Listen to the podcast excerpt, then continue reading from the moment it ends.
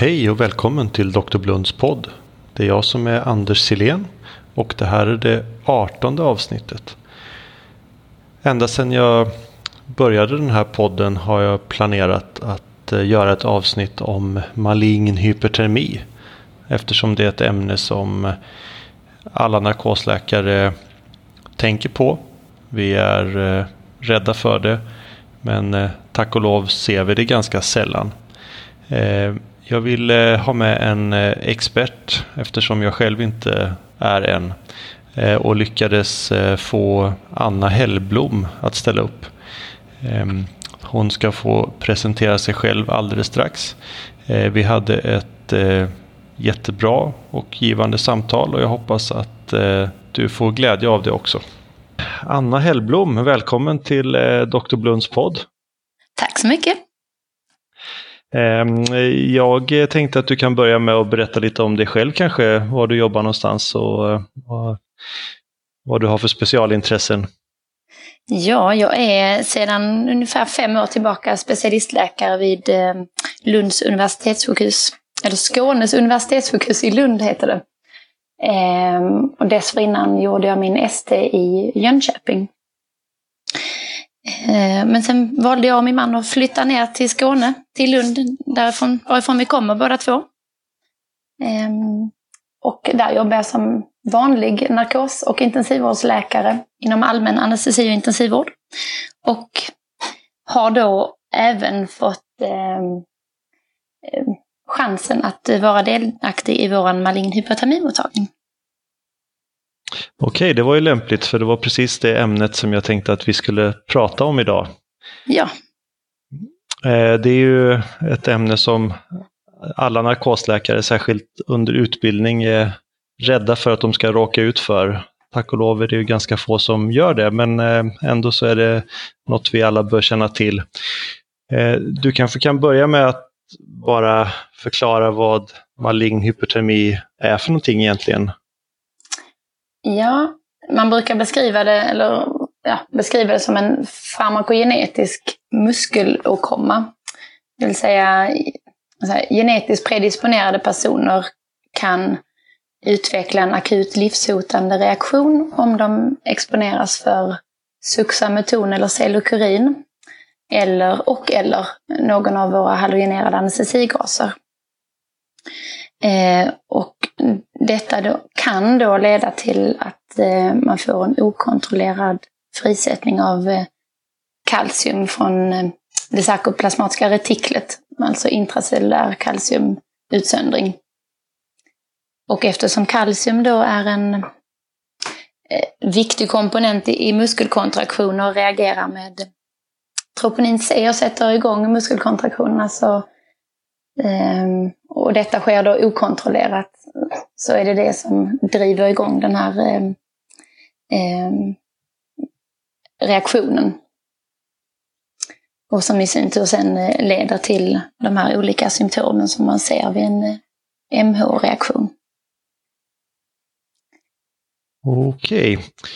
Um, är det, hur vanligt är det egentligen? Eftersom jag sa ju innan att, att vi, vi stöter på det ganska sällan, så vitt jag vet. Eh, hur, hur, många, hur, hur många patienter ska vi förvänta oss att vi ser i en karriär som, som har den här åkomman?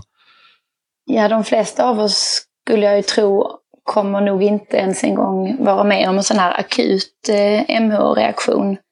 Däremot tror jag man rätt så sannolikt kommer att stöta på en mer elektiv situation men där man har en patient som har en konstaterad eller en misstänkt eh, MH-känslighet.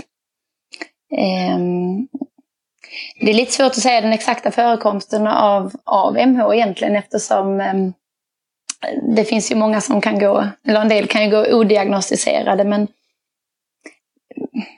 man, om man tittar lite grann på vad studier kommer fram till så kanske någonstans mellan 25 till 50 per 100 000 invånare skulle kunna ha det.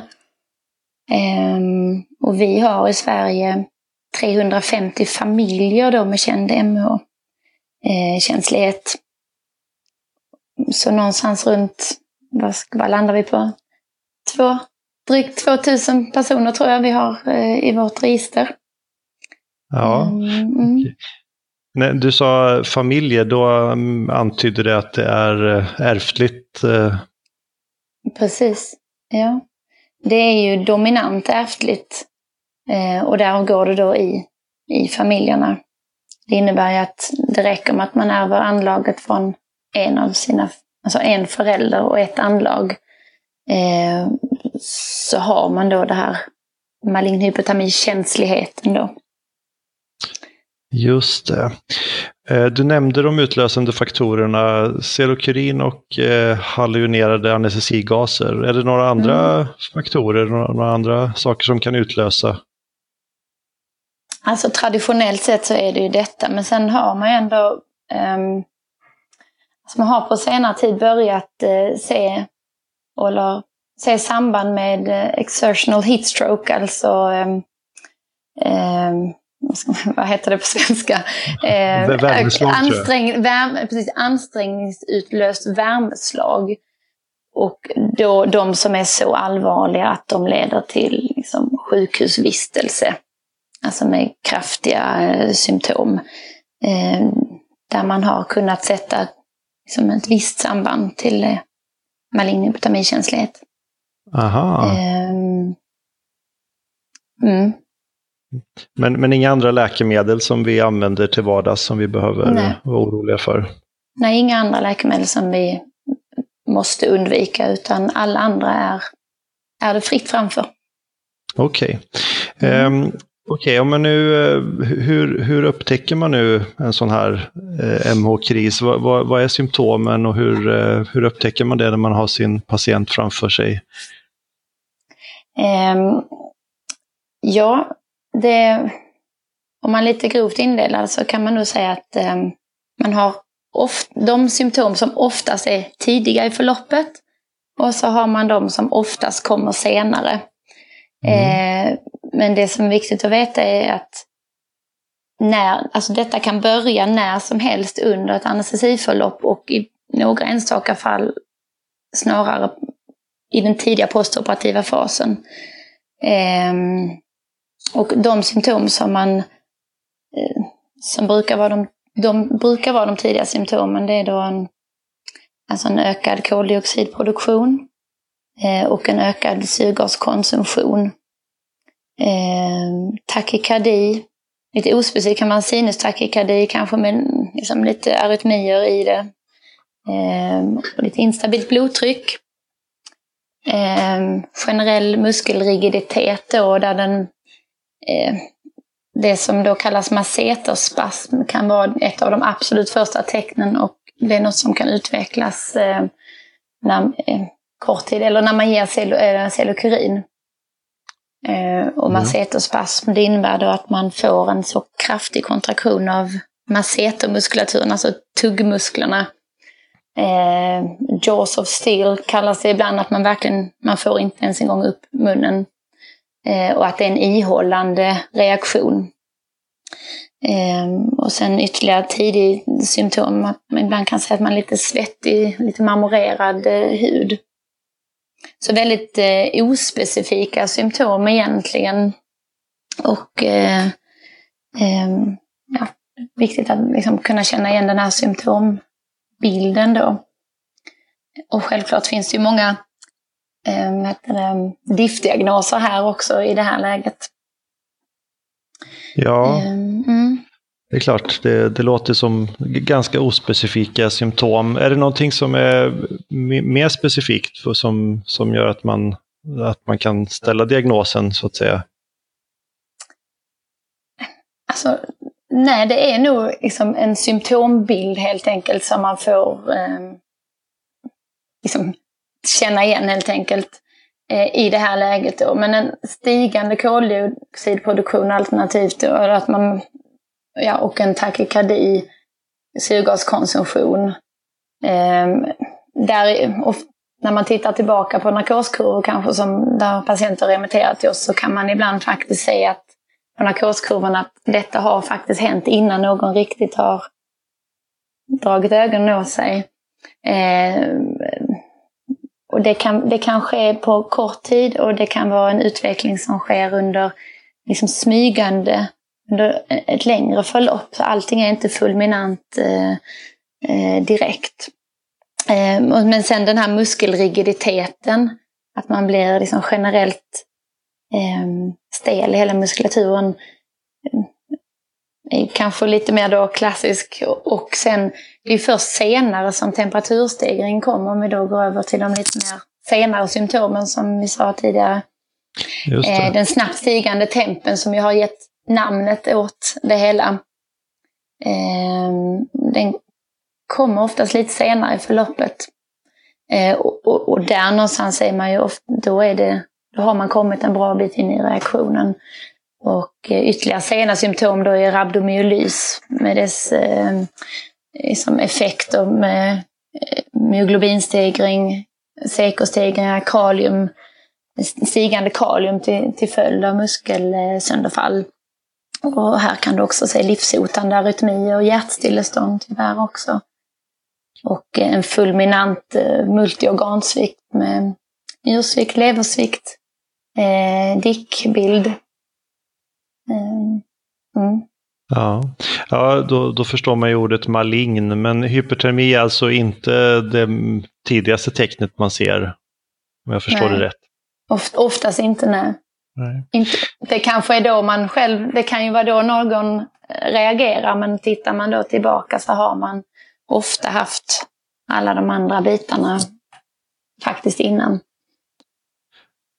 Okej, okay. eh, mm. okay. nu om vi nu har eh, Eh, stark misstanke om att vi har en MH-kris framför oss, vad, vad, ska vi göra då? Vad är, den, eh, vad är de akuta åtgärderna? Det är ju att snabbt som ögat bli av med det som utlöser eh, reaktionen så att man stänger av gasen om man har den. Ehm, och att snabbt bli av med den, ur, liksom få den ur systemet och patienten genom att hyperventilera, att man sätter alltså med höga minut, två till tre gånger normal minutventilation. Eh, och med 100% syrgas på höga flöden. Vi pratar kanske 10 liter eh, per minut på, på flödena. Mm. Eh, parallellt med detta, självklart meddela kirurgen vad, vad det är man misstänker. Att, så att man har möjlighet att eh, avsluta om man är mitt under kirurgin, alternativt att man absolut inte påbörjar kirurgin i detta läget om det inte är livshotande eller något som verkligen är akut. Eh, kalla på hjälp. Det här är någonting som kommer kräva väldigt mycket folk. Man kommer behöva hjälp, många händer. Eh, och det som är lätt att glömma i detta läget är ju då också att stänger man av gasen och det är det som underhåller narkosen så gäller det ju att man uh, fortsätter hålla patienten sövd med någonting annat. Um, kan vara lätt att glömma faktiskt i det här läget. Um, och sen det absolut viktigaste här det är ju att så fort som möjligt komma in och ge Dantrolen. Ja. Och Dantrolen är ju själva motmedlet liksom, till det hela. Ehm, och där är startdosen 2 mg per kilo. Ehm, och Dantrolen kommer i flaskor om ehm, 20 mg i en ampull. Det är som ett pulver i en liten glasampull. Och det svåra i det hela och det som är en stor bidragande faktor till att man behöver många händer, det är just att det här pulvret ska lösas i sterilt vatten. 60 eh, ml sterilt vatten. Och detta ska då ner i ampullen och lösas upp så att du får, ja, får pulvret upplöst helt enkelt. Ja. Och det tar tid. Det tar tid. Så, så det, det är svår, svårlösligt alltså? Det är svårlösligt, ja. Precis. Så man kan behöva flera, några personer specifikt avsatta bara för att stå och eh, skaka de här eh, ampullerna och få det att lösas upp. Mm. Ehm, och eftersom en ampull är 20 milligram och man tänker 2 milligram per kilo till en, en vuxen person så är det ju många flaskor som behöver lösas upp och då pratar vi startdosen. Och man kan behöva ge ytterligare ehm, många ampuller också om det är en fulminant kris. Ehm, Mm. Okej, hur, hur funkar Dantrolen då? Vad är, vad är mekanismen där? Hur, hur bryter det den här reaktionen? Det är en eh, intracellulär kalciumantagonist och binder in till eh, den receptor, i det sarkoplasmatiska retiklet så är det den här RYR 1, ryanodinreceptor 1 som den heter, eh, som är den som, som den här eh, kalciumkanalen helt enkelt, så den blockeras eh, och eh, stoppar kalciumfrisättningen. Aha. Men eh, du pratar ju om att muskelrigiditet, kan man inte bara ge någon annan muskelrelaxantia då, som Esmeron till exempel? Biter inte. Det fungerar inte. Eh, utan det är Dantrolem som gäller. Okej. Okay. Så det måste mm. man ha tillgängligt på sin operationsavdelning med andra ord? Precis. Mm. Um, antingen det eller väldigt nära till hans. Om man nu är olika, om man nu på ett större sjukhus kan man ju ha olika opera, operationsavdelningar kanske inom räckhåll. Så att där får man ju organisera det så som man, ja, på bästa sätt för varje ställe. Men alla som använder eh, anestesigaser, cellokurin eh, ska, bör ha eh, Dantolen tillgängligt. Eh, du nämnde att man ofta behöver upprepa dosen. Hur vet man att man har gett tillräckligt? Man, eh, det här är ju lite svårt för det kommer ju gissningsvis, tänker jag mig, jag har själv aldrig haft hand om en sån här reaktion, men det kommer flyta in i vartannat. Alltså så fort man har en ampull färdig så, så ger man och innan man har de andra upplösta. Men 2 mg per kilo är startdosen. Och sen därefter säger man kanske 1-2 mg per kilo tills symptomen har klingat av. Ehm, och det kan ibland behövas stora doser. Ibland hör man eh, folk som frågar om det finns eh, maxdoser och så här och det kan, ha för, kan förekomma i vissa dokument kanske att man pratar om maxdoser på 10 mg per kilo men det är väl Alltså det finns egentligen ingen maxdos om man är rätt på diagnosen och patienten behöver ytterligare om symptomen inte klingat av. Det man menar är väl kanske snarare att eh, har du ingen effekt på, på symptombilden och du har gett upp till 10 mg per kilo så ska man kanske ändå börja tänka runt om det, om det är någon annan diftdiagnos eller om man har någon, om det är någonting annat som händer än det man först har trott. Men det finns ingen maxdos eh, egentligen om man bara är rätt på det. Eh, mm. Okay. Men ända tills symptomen har fullkomligt klingat av ska man ge. Okej, och då, då, menar du alla de här symptomen vi pratade om, takykardi och eh, svettningar och muskelrigiditet och allting? Ja, ja. Eh, man kan ju, det, det är ju det, man får ju helt enkelt känna av den eh, kliniska situationen lite grann, vad man, hur fulminant det har varit och eh, förloppet därefter så att säga. Ehm, men ja. Mm. Eh, så får man göra. Eh, hur, jag tänkte bara, hur, hur, vet man hur, hur farligt det här är så att säga? Finns det siffror på mortalitet och prognos? Eh, mortaliteten har ju avsevärt förbättrats sedan Dantrolen liksom, togs fram, eller ja. att man hittade den. Eh, jag vet inte riktigt vad man nu säger, men jag tror man är nere att... Eh, nu vet, jag kan inte siffrorna sådär direkt, men man är, man är nog nere under 5 procent tror jag, om jag nu minns det rätt, i, i mortalitet vid MO-reaktioner från att den har varit avsevärt mycket högre mm. men, innan dantrolenet. Um, och det är i kombination, alltså dantrolenet såklart, men sen är det också att man har ju eh, mycket bättre övervakningsmöjligheter nu jämfört med 20-30 år tillbaka så har ju så, pulsoximeter, intidalt koldioxid, temperaturmätning och så vidare avsevärt förbättras. Så att man är mer, har ju lättare att upptäcka de tidiga symptomen också. Just det. Ja, vad gör man med patienten sen då efter att man har haft den här krisen och operationen är avslutad och allting, patienten mår bra så att säga. Ska, vad, vad ska man göra sen när patienten lämnar sjukhuset? Ja, precis. Alltså i det här läget, lite beroende på var man befinner sig så, såklart eh, i... Eh, alltså det här kan ju vara mitt under pågående kirurgi eller så upptäcker man det här tidigt innan man ens har påbörjat. Och beroende på hur, hur allvarlig reaktion det har hunnit bli. Eh, för de, om vi bara backar bandet lite grann utöver Dantrolen då så är med den specifika och absolut viktigaste behandlingen så kommer man ju så finns det ytterligare några bitar, man, om jag bara ska lägga till det här först. Ja. Eh, att man eh, ja, men behandlar sym symptom, övrigt är ju symptomatisk behandling efter vad man har så att säga. Eh, och eh, att man, om man har möjlighet någonstans på vägen också, att, att man tar eh, provtagning med blodgaser och, eh, och man kan också myoglobin och, och CK.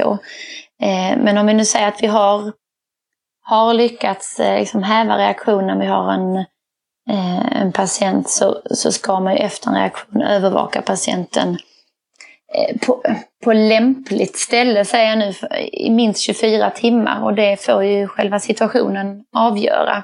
Om det är på en intensivvårdsavdelning eller om det är på en postoperativ avdelning. Eh, så, men, men man säger 24 timmar minst övervakning efter förloppet. Där man fortsätter att ta CK-myoglobin var sjätte timme. Och sen övriga labbprover då efter behov. Eh, det kan vara viktigt att kontrollera för, eh, för compartment-syndrom också så att man inte har med de här eh, muskelsänderfallen och så finns risk att man har utvecklat det, att det är något man är observant på också. Ja. Ehm, men när man har, har man sen nått det här. Man har en patient man har fått att överleva och eh, man är beredd att släppa ut från den, den typen av övervakning som, som sker inom, inom vår specialitet.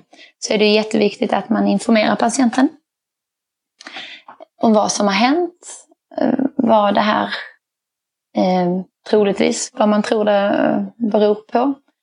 Och vad detta kan få, dels få konsekvenser för den här patienten i sig, men i och med att det här är då ärftligt så är det också viktigt med informationen eh, vad detta kan innebära för släkten. Mm.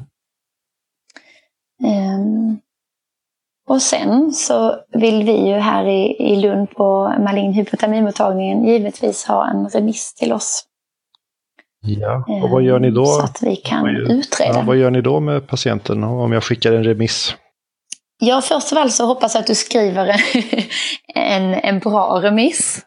Där du, eh, där du eh, gärna har liksom själv en, en anestesianteckning eller någonting eh, antingen bifogat eller att du skriver i remissen bifogar relevanta journalhandlingar och då är vi tacksamma om vi bara får det som är relevant men definitivt allt som är relevant och då är det ju eh, narkosjournal, labb och ja, eventuella intensivvårdsanteckningar eller, eller ehm, ja, någonting från post, den postoperativa förloppet. Ja.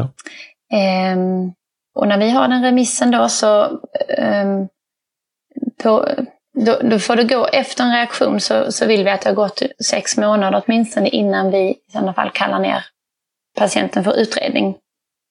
Eh, och det vi oftast börjar med, och det som traditionellt sett man alltid har börjat med, det är att göra det som heter IVCT, alltså in vitro kontrakturtest på svenska. Okay.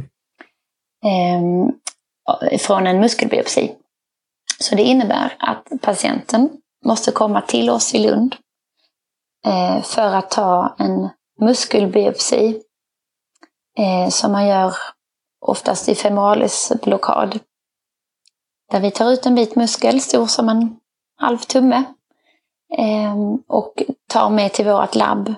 Och där vi helt enkelt utsätter den här då levande muskelbiten. Alltså den måste ju vara eh, har möjlighet att kunna reagera. Så man kan inte skicka muskeln utan den måste liksom direkt tas till labbet. Och där utsätter vi då den här muskeln för stigande koncentrationer av eh, halotan mm. eh, och koffein. Eh, ja. Okej. Okay. Eh, koffein, hur kom det in i bilden? Ja, ja precis. Eh, det är också en eh, RYR1-agonist, alltså den här eh, eh, som heter den här eh, kanalen från det sarkoplasmatiska retiklet eh, kan också aktiveras av eh, koffein faktiskt. Mm. Men det är i doser som eh, inte man kommer upp i om man dricker kaffe. Nej, jag, jag så man behöver inte avstå från kaffe. Jag tänkte säga att för en narkosläkare så lät det där mycket läskigare än muskelbiopsin i alla fall. Ja, ja. Eh, ja nej, men det, det, är inte... Det är ingenting som, man, som vi liksom rekommenderar att man ska avstå från eh, koffein. Tack och lov. Eh, eller kaffe, ja. eh, så det man gör helt enkelt i det här labbet, vi hänger upp små muskelbitar. Eh, utsätter dem för eh, de här ämnena då och avläser muskelkontraktionerna. Mm. Och har man då eh, patologiskt ökad muskelkontraktion i förhållande till de här, till någon referensvärden så eh, så sätter vi diagnosen malign hypotamikänslighet. Okej. Okay. Och vad berättar ni för patienten sen då när ni har ställt den diagnosen? Ja, det vi då berättar är ju att, eh, att man har den här diagnosen helt enkelt. Att man aldrig får utsättas för eh, då och eh, de här narkosgaserna. Eh, och det som också kan vara viktigt, då, dels får man intyg. Vi ger svenska, intyg på både svenska och engelska. Eh, och säger att skulle de komma in innanför sjukhusets väggar eller någonsin träffa en narkosläkare så är det viktigt att de berättar att de har detta. Eh, vi berättar såklart också att vi svarar den som har remitterat patienten och att den personen kommer få information om diagnosen och att den personen i sig då varningsmärker patientens journal på hemmaplan. För än så länge har vi ju då i Sverige inte något nationellt system för att eh, täcka den här typen av varningar. Nej, just det. Eh, och vi informerar ju också då om att anhöriga behöver utredas. Ehm, och att vi då, då vill vi ju gärna att man gör det systematiskt, så att säga. Att man, alltså, man kan ju ta syskonen till den här som har haft en MH-reaktion, kan man ju ta. Sen går man ju upp till föräldrarna och behöver utreda båda föräldrarna för att se vem, från vem det kommer. Och dens släkt, och sen så rullas det ju upp ett helt släktträd då med, med potentiella personer som behöver utredas. Ehm, och sen neråt i ledet såklart om den här patienten vi har, har barn. Just det. Så bör alla barn utredas. Um, och när uh, den här patienten då kommer till mig på anestesimmottagningen eller kanske på operation rent av när jag ska söva honom eller henne, vad ska jag tänka på då? Då, då ska du um, då ska du egentligen tänka så här. Jag ska göra allt för att patienten inte ska utsättas för cellokurin eller någon av våra narkosgaser. Ehm, det gör man bara det så behöver man på ett sätt då inte konstra till det så himla mycket mer. Okay. Ehm, men att undvika cellokurin är ju enkelt. Det är ju att se till att det inte finns inne på operationssalen så att det kan ges av misstag. Sen eh, är det ju så att ehm, det här med att inte utsättas för narkosgaser, det är ingen som vet var gränsen går för hur låg koncentration man kan utsättas för. Ehm, och vara ehm, säker så att säga. Och då har man bestämt sig för att man ska gå ner till väldigt låga värden. Eh, för att ha god marginal. Eh, och då gäller det att man, eh, man behöver helt enkelt ha en, en ren narkosapparat. Ja. Eh, och det vanligaste är ju då helt enkelt att man tar en vanlig narkosapparat och eh, förbereder den genom att, alltså, enkelt sett kan man säga att man får spola man tar av förgasaren, byter liksom alla slangar, eh, förgasare, nytt andningssystem, ny absorber. Och sen eh, sköljer man igenom apparaten och då är det egentligen så att då ska man gå till tillverkarens rekommendation om hur den här ursköljningen ska gå, vilka flöden man ska ha och hur lång tid man ska hålla på med detta. Ja. Det är det vanligaste skulle jag nog tro. Men man kan ju tänka sig alternativ där man på en klinik antingen har en förutbestämd anestesiapparat som aldrig varit utsatt för eh, narkosgas. Jag skulle tro att det är väldigt ovanligt att man har en sån resurs. Ja, den lär inte bli Alternativt kan man ju också... Nej, nej så det, det är liksom, men det, men det skulle kunna vara ett alternativ. Eller att man tar en, en IVA-ventilator som, heller om, alltså, som inte heller varit utsatt för någon anestesigas. Den skulle också betraktas som ren. Eh, Men jag tror att de flesta, de flesta helt enkelt eh, förbereder en, en, en vanlig narkosapparat. Man, man spolar rent den helt enkelt med, eh, med syrgas Syrgas eller luft, eller luft. Ja. Ja. Eh, kan man också göra. Ja. Ja.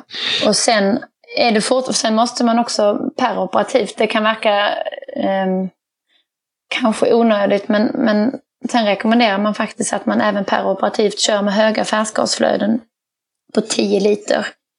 För att man tänker sig att det kan sitta ändå, att de här gaserna kan sitta i lite olika packningar och, och membraner och med låga flöden skulle kunna liksom läcka ut igen då och, och, och överskrida det här 5 ppm som man har satt som ett gränsvärde. Så man rekommenderar eh, fortsatt höga flöden med 10 liter men, men man disku, börjar diskutera nu om man kanske kan ha det under, om det nu är en halvtimme eller timme och sen gå ner till lägre flöden. Eh, ja, börjar komma de diskussionerna. Eh, mm. Okej. Okay. Ehm, eh, tidigare innan vi började spela in så nämnde du ett intressant specialfall här när det gäller patienter som också anknyter till det här med familjeutredningen. Du kanske kan säga något om det?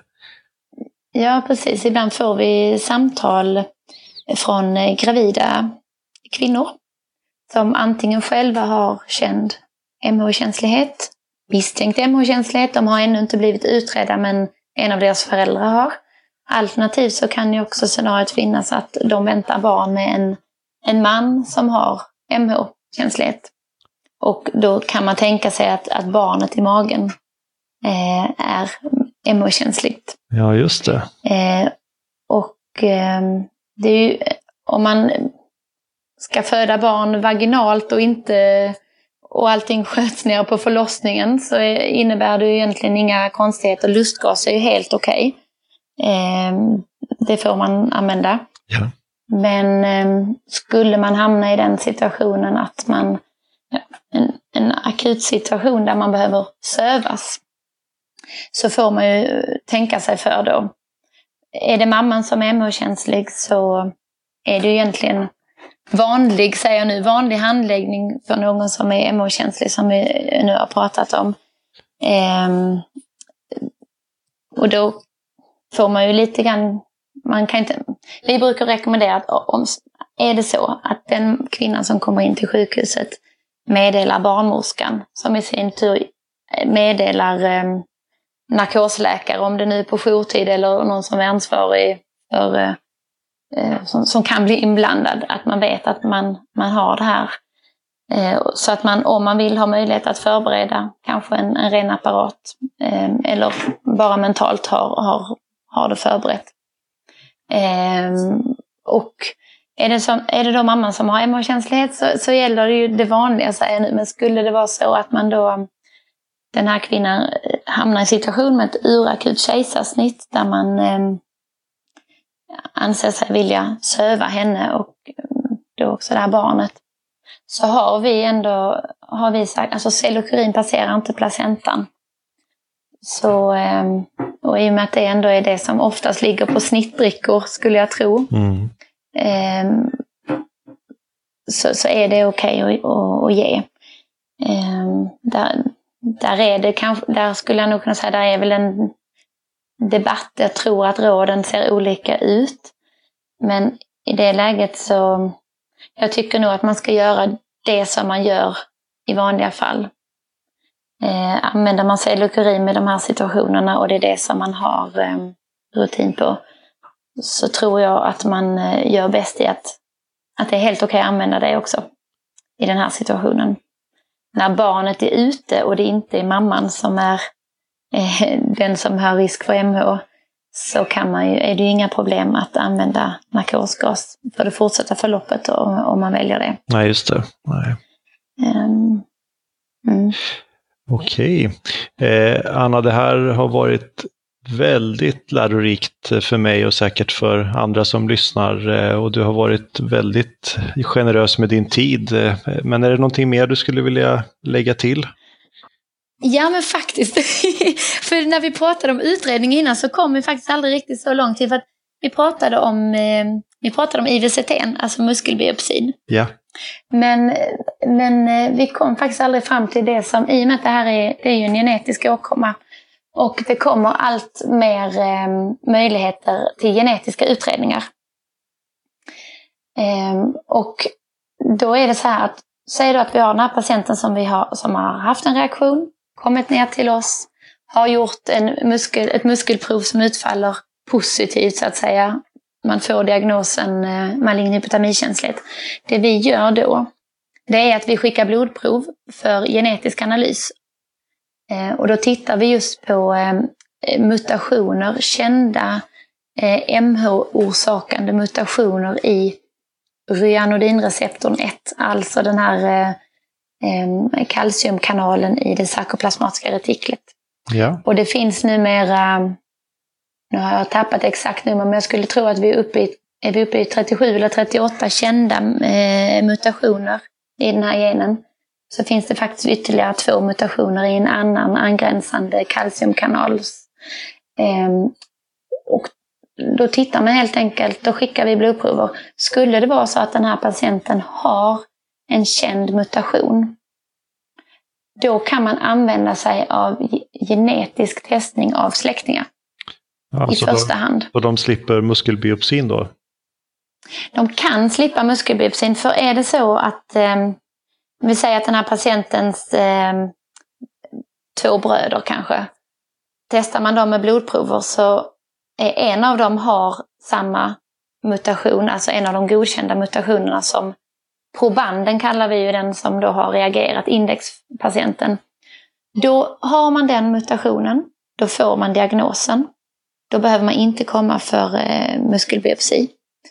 Men den andra brodern som då kanske inte har eh, den här mutationen, där är, det, där är riktlinjerna idag sådana att där vågar man inte fria. För det finns så mycket att förlora på att fria den här patienten och man ser tyvärr i släkter att det någon gång ibland är, är MH-känsliga patienter som trots allt saknar den i familjen kända MH-mutationen. Eh, så har man inte mutationen som släkting då så måste man ändå komma ner till oss för att säkert utesluta ja.